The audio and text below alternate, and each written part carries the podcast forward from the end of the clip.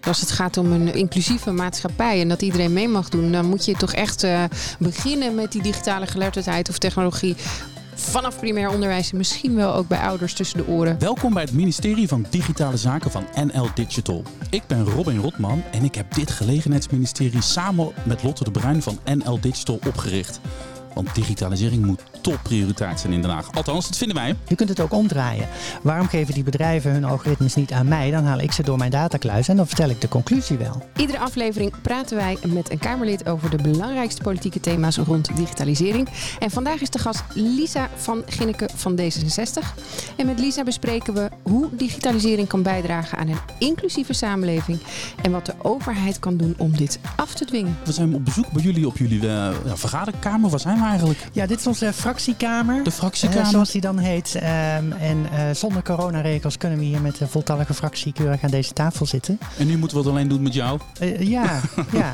Nou ja, dat geeft ook wel wat meer focus in dit gesprek misschien. Ja, dat is misschien wel handig. Hey, toen ik jou van de week belde voor een korte kennismaking, toen zei je meteen twee dingen.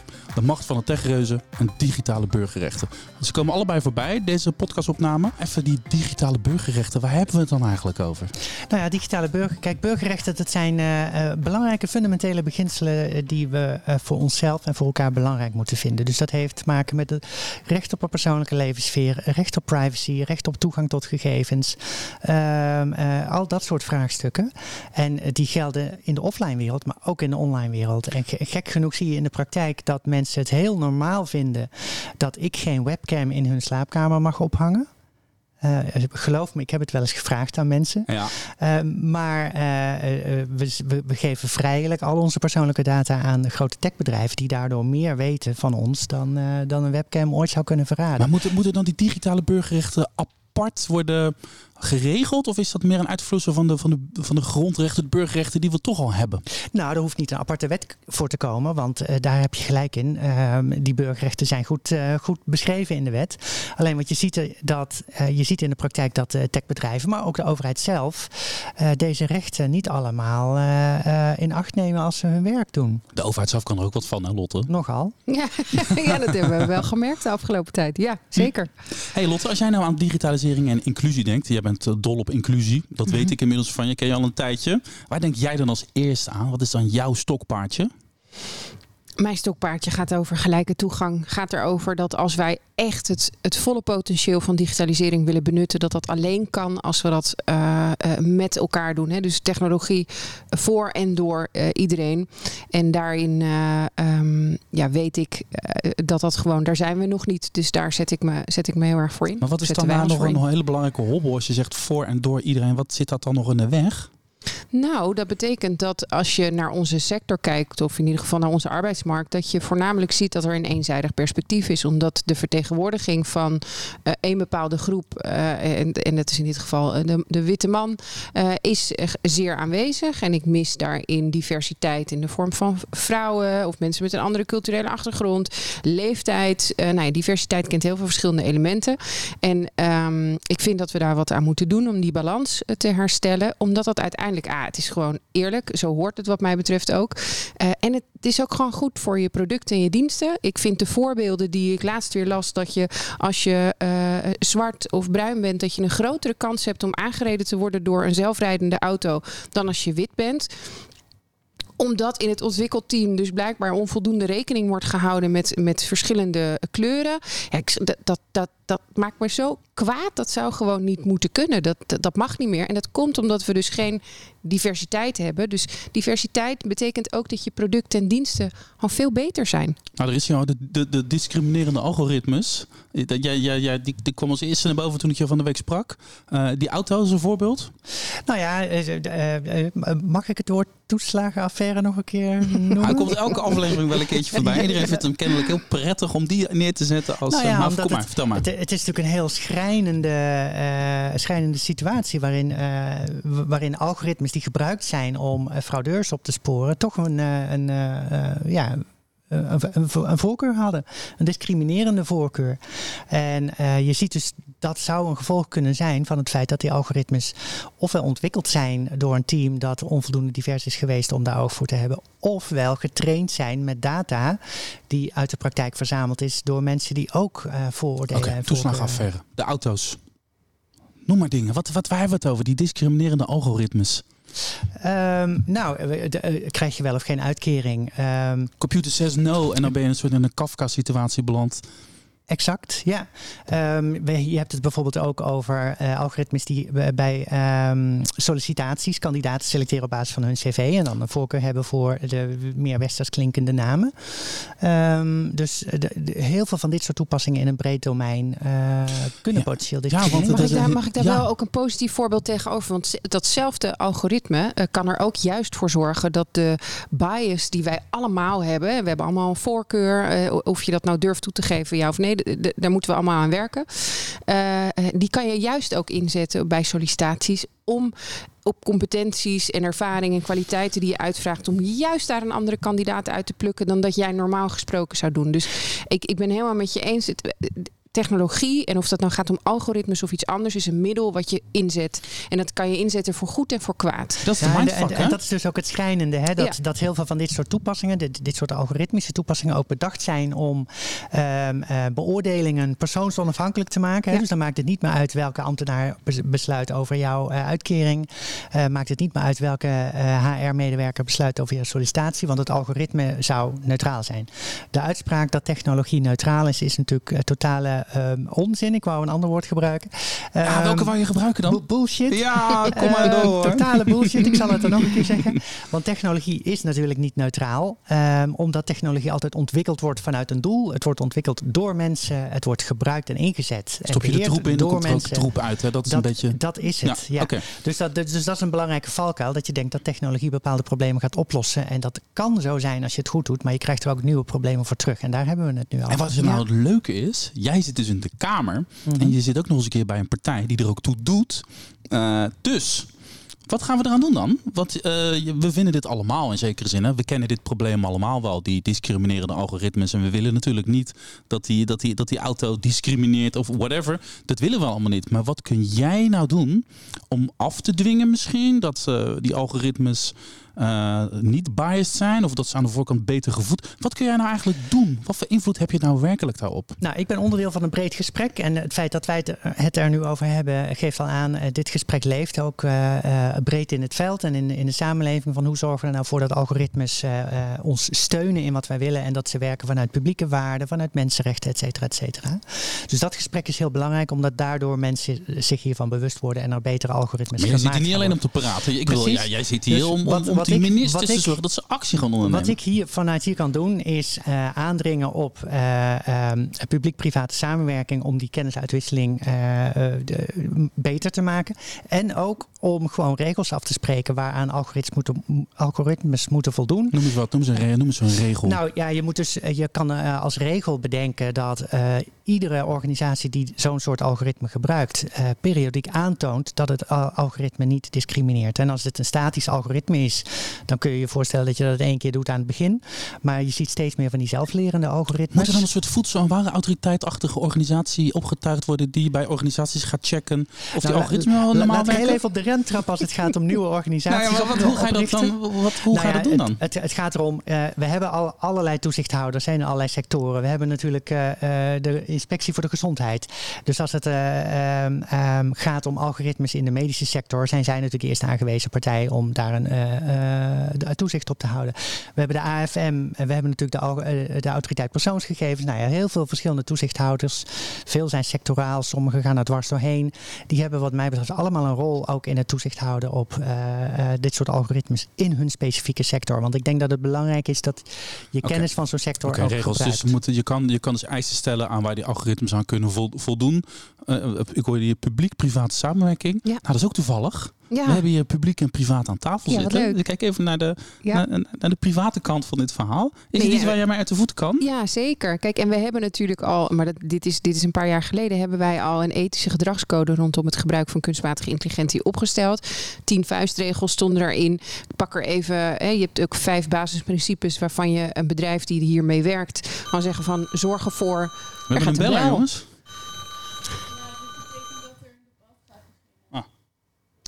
Er gaat een debat beginnen. Er gaat een debat beginnen, Nou, inderdaad. Ja, en die kan blijven weten we zitten dat- hoor. Wees gerust. Mag Die wel kan, gelukkig. die kan blijven zitten. Het is niet, mijn We gaan debat. gewoon door. Waar Ja, waren we ja. gebleven? Nou, dat wij die ethische gedragscode hebben opgesteld. Ik, eh, en je kunt daarin hele simpele afspraken maken met bedrijven. Zoals bijvoorbeeld zorg ervoor dat je iemand in je bedrijf hebt bij wie er gemeld kan worden dat jij denkt dat een algoritme eh, b- eh, van biased is eh, bevooroordeeld. Mhm. Zorg ervoor dat je traint. eh, dat er trainingen zijn. We hebben het heel veel over ethics by design. Maar geef dat vorm in de ontwikkeling van je producten. Zorg voor diverse teams.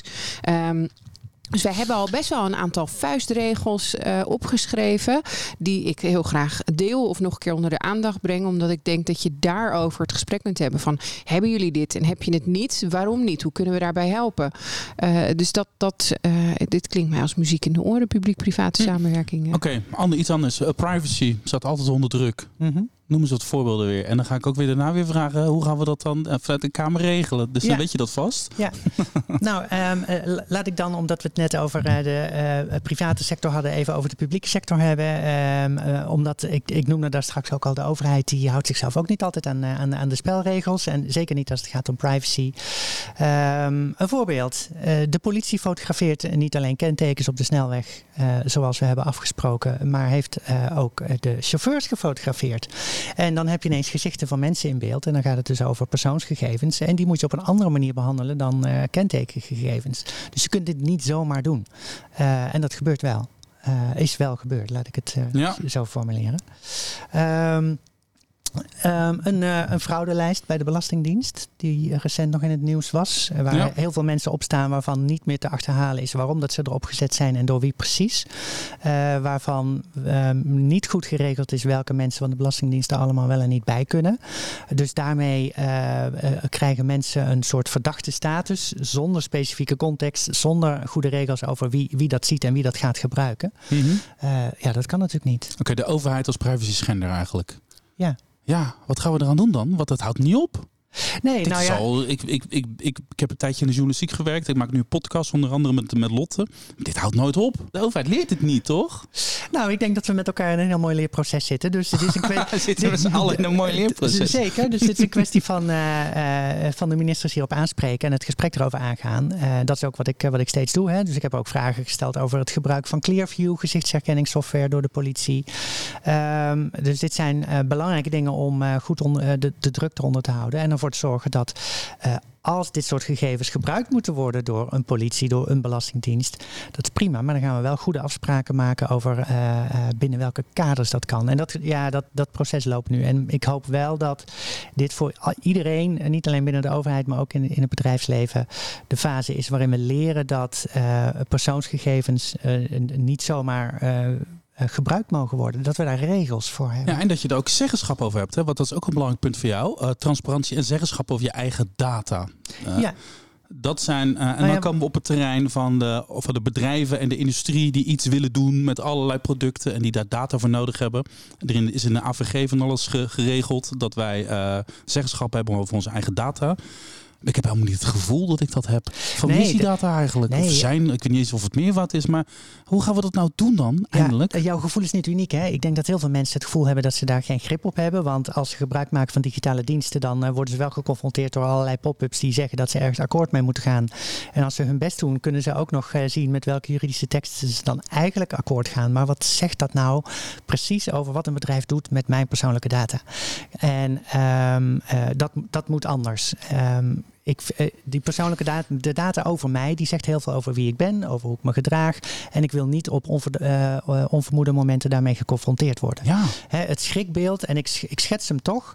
Het schrikbeeld is um, het sociaal kredietsysteem, zoals dat in sommige Chinese steden inmiddels geïmplementeerd is. Waarbij alle persoonlijke data, dus, dus over wie je bent en hoe je je gedraagt, aan elkaar gekoppeld is en gebruikt wordt om jouw bewegingsruimte in de samenleving Oké, maar dit is een heel groot schrikbeeld en het gaat ook over de macht van de overheid. Maar, waar, we, waar, we, het nu over hebben is volgens mij, volgens mij weten een heleboel bedrijven ook helemaal niet per se dat ze met data überhaupt, ze realiseren zich volgens mij ook helemaal niet zo dat het over data gaat, dat het over mensen gaat. Of hoe zit dat in, de, in, in, in, in, bij jouw achterban? Nou, die zijn zich daar wel van bewust Toch hoor. Wel. Maar ik denk dat je daar, uh, je stipt wel iets aan, althans ik vertaal dat naar kennis. Ik ben met je eens. Ik denk dat dit dit, deze uitdaging moet op verschillende lagen aangepakt worden. Maar kennis is er wel degelijk een van. Ik denk dat ik bovengemiddeld veel kennis heb van digitalisering en digitale transformatie. Dus al die pop-ups, ik lees ze. Ik zet al die cookie dingen uit. Uh, want dat, ik vind het prettig om daarin wat anoniemer te zijn. er zijn ook mensen die zeggen, ik vind het eigenlijk wel lekker. Weet je, want dan krijg je de juiste advertenties of wat dan ook. Maar het gaat om kennis. Weet je wat, weet je wat ermee gedaan wordt? Uh, weet je waar je akkoord op geeft? En als een, um, als een website mij die optie niet biedt, omdat uit te zetten of hè, automatisch akkoord te gaan met hun cookiebeleid. Ik neem even ook zo'n lekker voorbeeld van de wetgeving, de cookiewetgeving. Dan, dan klik ik hem weg. Dat, dat wil ik niet. Maar ik heb kennis. Ik weet, tenminste, denk ik, een beetje. Waarschijnlijk ook niet alles, maar of ik weet zeker niet alles. Uh, wat ik aan het doen ben. Uh, ja, maar dus dat is wel dit heel belangrijk. Ook, dit heeft ook te maken met keuzevrijheid en soms dus het gebrek daaraan. Hè? Uh, want van sommige diensten, online diensten, zou je kunnen zeggen: Nou, jullie willen zoveel van mij weten, ik ga wel naar, naar de concurrent.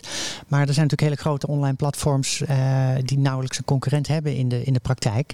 Um, en dan heb je geen keuze. En dan ben je ineens als uh, als, als burger, als online klant, als gebruiker van zo'n systeem uh, onderworpen aan de regels die dat platform zelf stelt. Oké, maar wat en is dan, kan... de maatregel om ervoor te zorgen dat ik wel zeggenschap heb over mijn data en dat wat, wat effectiever is dan alleen maar een vinkje zetten of geen vinkje zetten? Nou, er is niet één maatregel. Nou, doen er twee.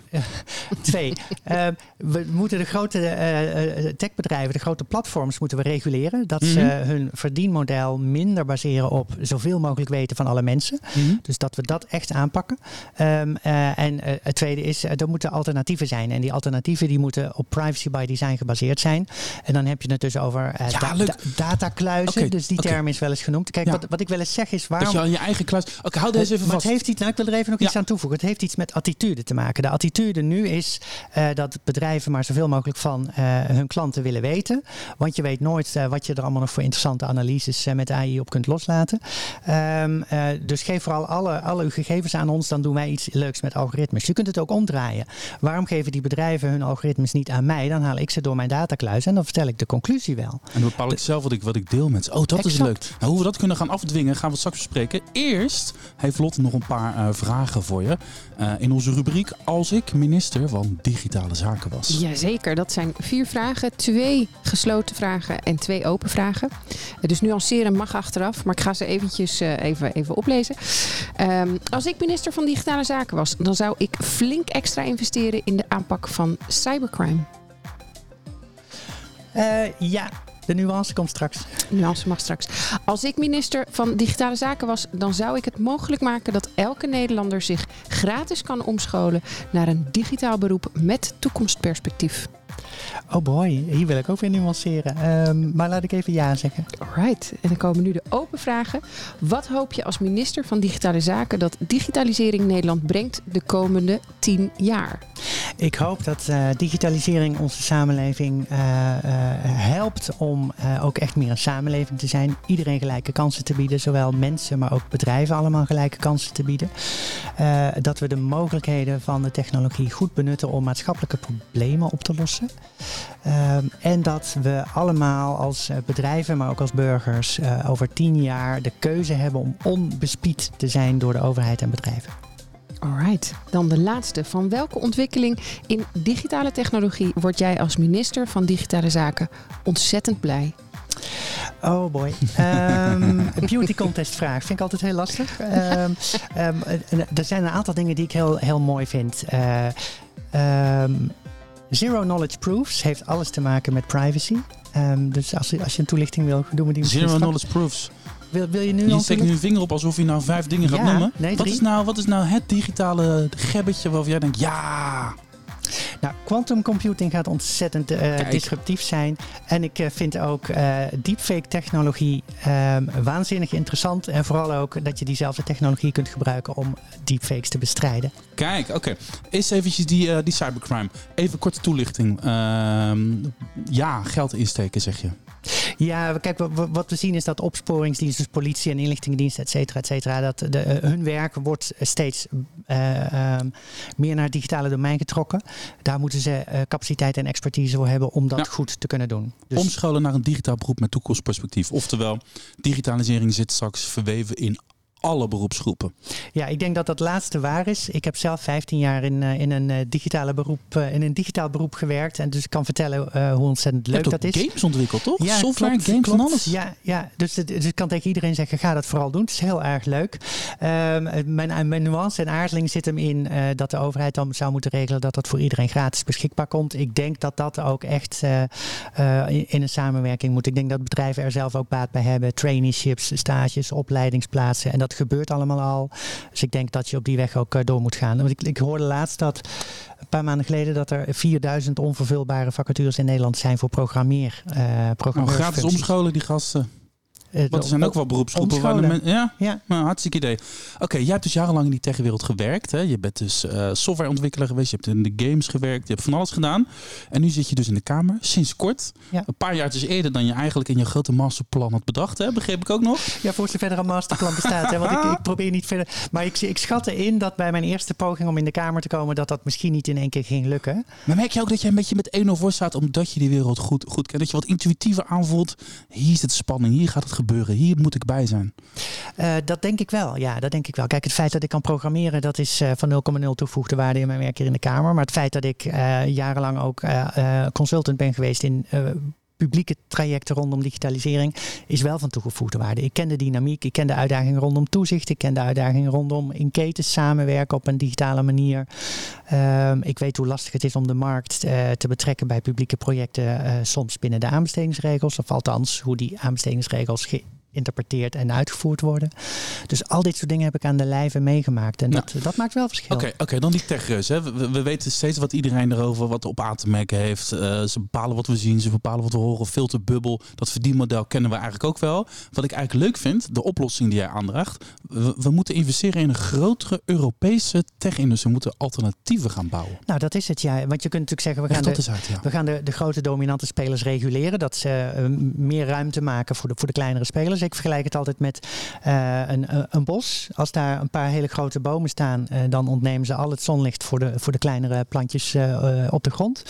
Eh, dus dat is voor, voor mij het hele doel van het reguleren van die grote techbedrijven. Niet om die bomen te verwijderen, maar om ze te snoeien zodat er meer licht op andere plekken komt. Maar dat betekent dit- ook wel dat de voorwaarden voor die, voor die andere kleinere bedrijven ook gunstig moeten zijn. Zodat ze ook echt kunnen gaan groeien. Deze metafoor, kan je daar wat mee, Lotte? Want dit is jouw achterban. Hè? De techreuzen zitten bij je achterban. De kleintjes zitten ook bij je achterban. Dus jij, dit is altijd voor jou moeilijk manoeuvreren, dat snap ik. Maar dit, dit, dit, deze metafoor, kan, Ja, nee, volgen? wij zijn het heel erg met elkaar eens. Ik, eh, eh, ik geloof in een ecosysteem, dat heb ik ook al eerder, eerder gezegd. En eh, de natuur is het, is het mooiste voorbeeld of, van een ecosysteem. Dus ik kan hier heel veel mee. En ik denk dat het juist goed is als het gaat om gelijke toegang. Want dat zei ik eerder in ons gesprek ook al. Is dat, dat betekent soms dat je iemand een, voetje moet geven eh, om toegang te krijgen tot dat, dat, dat speelveld. En sommige mensen krijgen jeuk van het woord gelijk speelveld. Nou, doen we dan een inclusief speelveld waarbij mensen toegang hebben. En die mensen die moeilijker toegang hebben, dat we die helpen. Dus als je dat vertaalt naar bedrijven, dan denk ik dat duidelijke spelregels voor voor grote organisaties, maar ook kleine, heel prettig is. Dan weten we waar we aan toe zijn, weten we het kader. Ehm, eh, en, en soms kan je eventjes een extra zetje krijgen. Dat kan financieel zijn qua investeringen of subsidies. Eh, dat kan ook zijn door, door wat te snoeien. Hè. Dus dat is, ik, ik, ja, kan, ik vind dat, ben het er helemaal mee eens. Investeringen, metafoor. subsidies. Kun jij wat concrete maatregelen noemen die jij zou willen nemen als, jij, eh, als, als je dit wil gaan simuleren? Als je dit wil gaan, gaan doen? Want dit klinkt voor mij altijd zo van ja, klinkt logisch, maar hoe dan? Wat gaan we doen dan? Ja, nou, als je kleinere bedrijven meer kansen wil geven, dan moet je dus inzetten op het goed benutten van kennis. Dus uitwisseling tussen wetenschappen en bedrijven stimuleren. Dus we noemden eerder in het gesprek publiek-private samenwerking al. Ik geloof dat je tegenwoordig triple helix moet zeggen.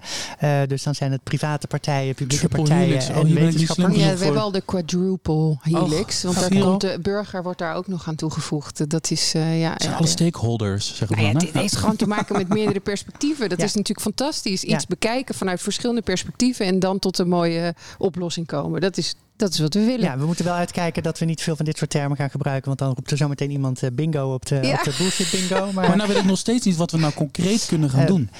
Dus het gaat erom dat je die, die, die kennisuitwisseling krijgt. Het gaat erom dat de uh, omstandigheden voor bijvoorbeeld durfkapitaal, investeringen in kleinere bedrijven, dat die gunstig gemaakt worden. het gaat erom dat je het vak aantrekkelijker maakt en inclusiever maakt inderdaad. Met onderwijs?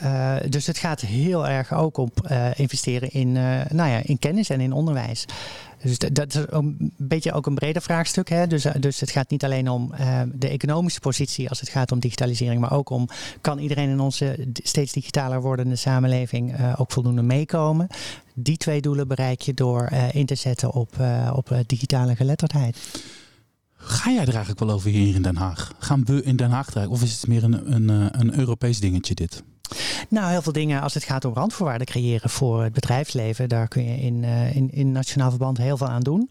Als het gaat om um, digitale regulering, dan zie je al dat er heel veel in Europa gebeurt. Uh, en dat is ook goed, omdat dat ook de schaal is waarop je dingen wil regelen. Ik denk dat het in het belang is van bedrijven ook. Hè, dat als je bedrijf uh, de, de geboorteplaats ontgroeit en misschien dan bijvoorbeeld ook in Duitsland zaken wil gaan doen met je digitale platform, dat het fijn is dat in Duitsland dezelfde regels gelden rondom persoons gegevens rondom AI, rondom uh, eventueel poortwachterschap. Als je heel groot gaat worden en uh, uh, onder die groep gaat vallen. Dus die, die Europese harmonisatie is denk ik in het belang van, van het bedrijfsleven in het algemeen. Dat maakt het speelveld toch wat gelijker. Ik ga die termen gewoon gebruiken. Ehm, ehm, maakt ook dat bedrijven beter weten waar ze aan toe zijn, omdat de regels overal hetzelfde zijn.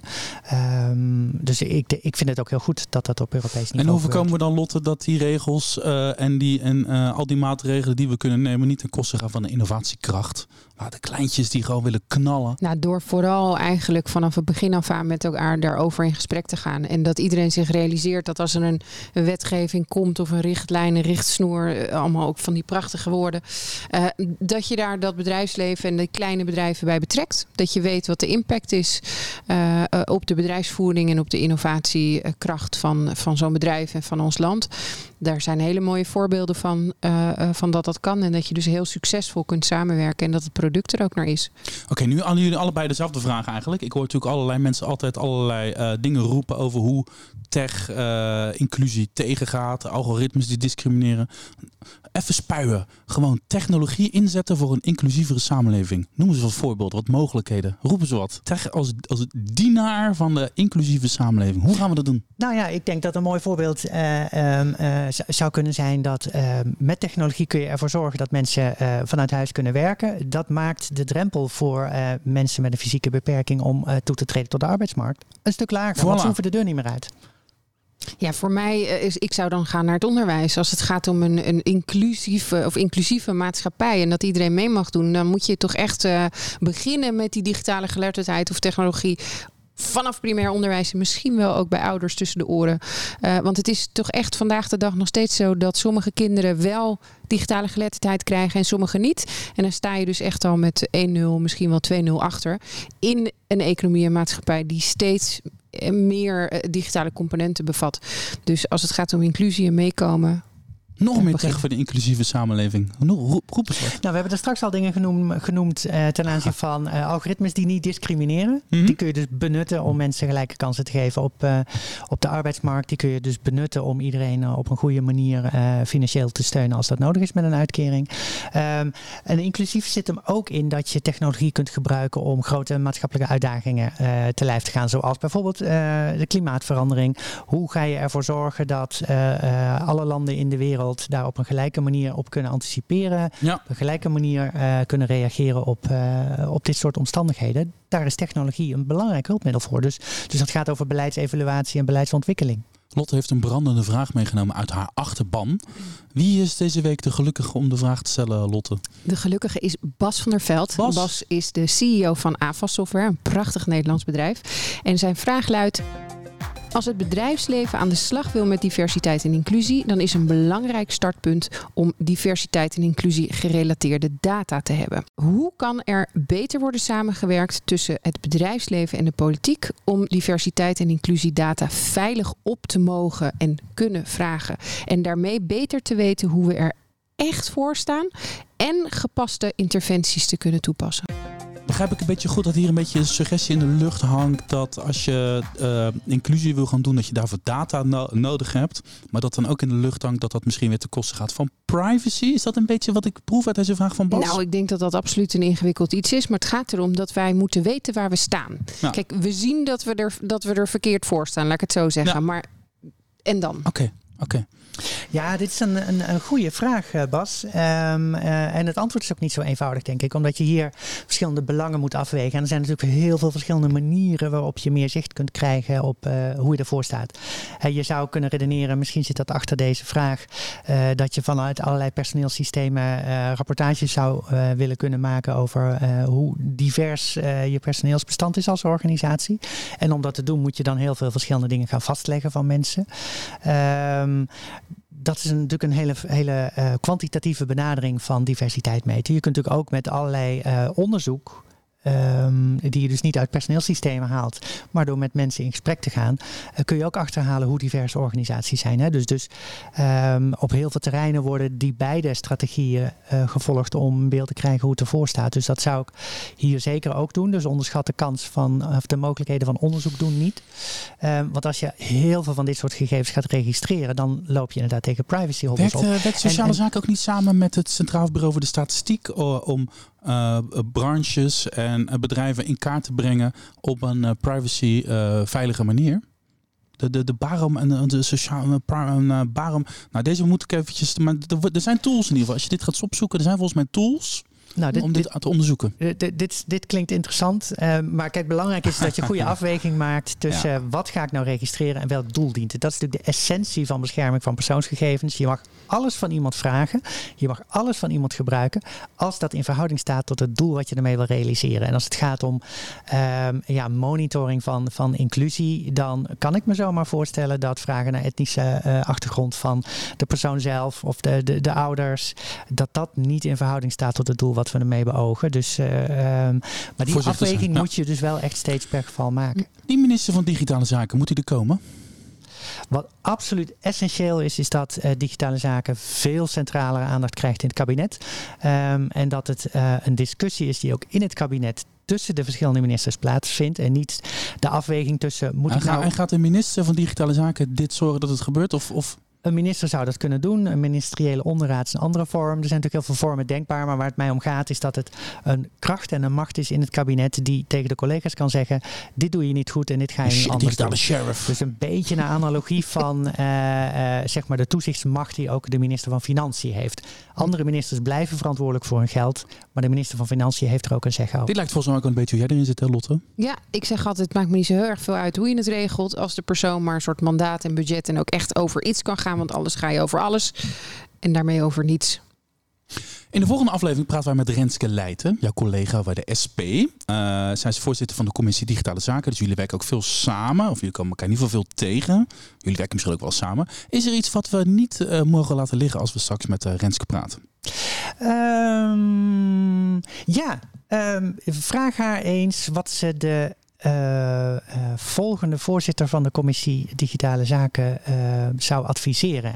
Want qua context, zij is fungerend voorzitter, zoals dat heet. En de definitieve voorzitter van die commissie, die wordt op een later moment nog ja, nog aangesteld. Is er dan ook een sollicitatie, open sollicitatie of niet? Nee, want ik uh, ben lid van deze commissie. Uh, en dan is het niet handig om voorzitter te zijn. Ah, dat is okay. hoe het werkt hier in, in de Kamer. Oké, okay, oké. Okay. Nou, prima. We gaan het uh, voorleggen, toch, Lotte? Zeker. Heb jij een, wat denk jij met Lisa zo hier in de Kamer?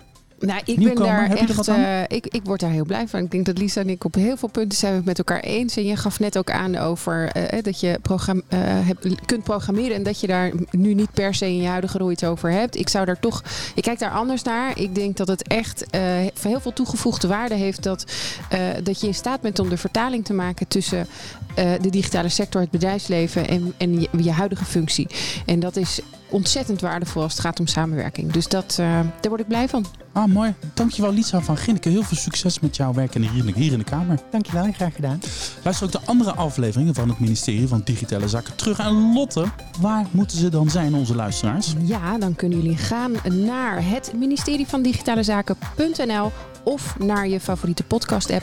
En vergeet vooral dan niet te abonneren. Ja, doe dat. En als je nou zelf met brandende kwesties rondloopt voor Politiek Den Haag... eh, of als je andere opmerkingen hebt, ga dan naar digitalezaken.nldigital.nl om daar eh, je mailtjes te sturen. Toch? Jazeker. Oké, tot de volgende keer. Dag.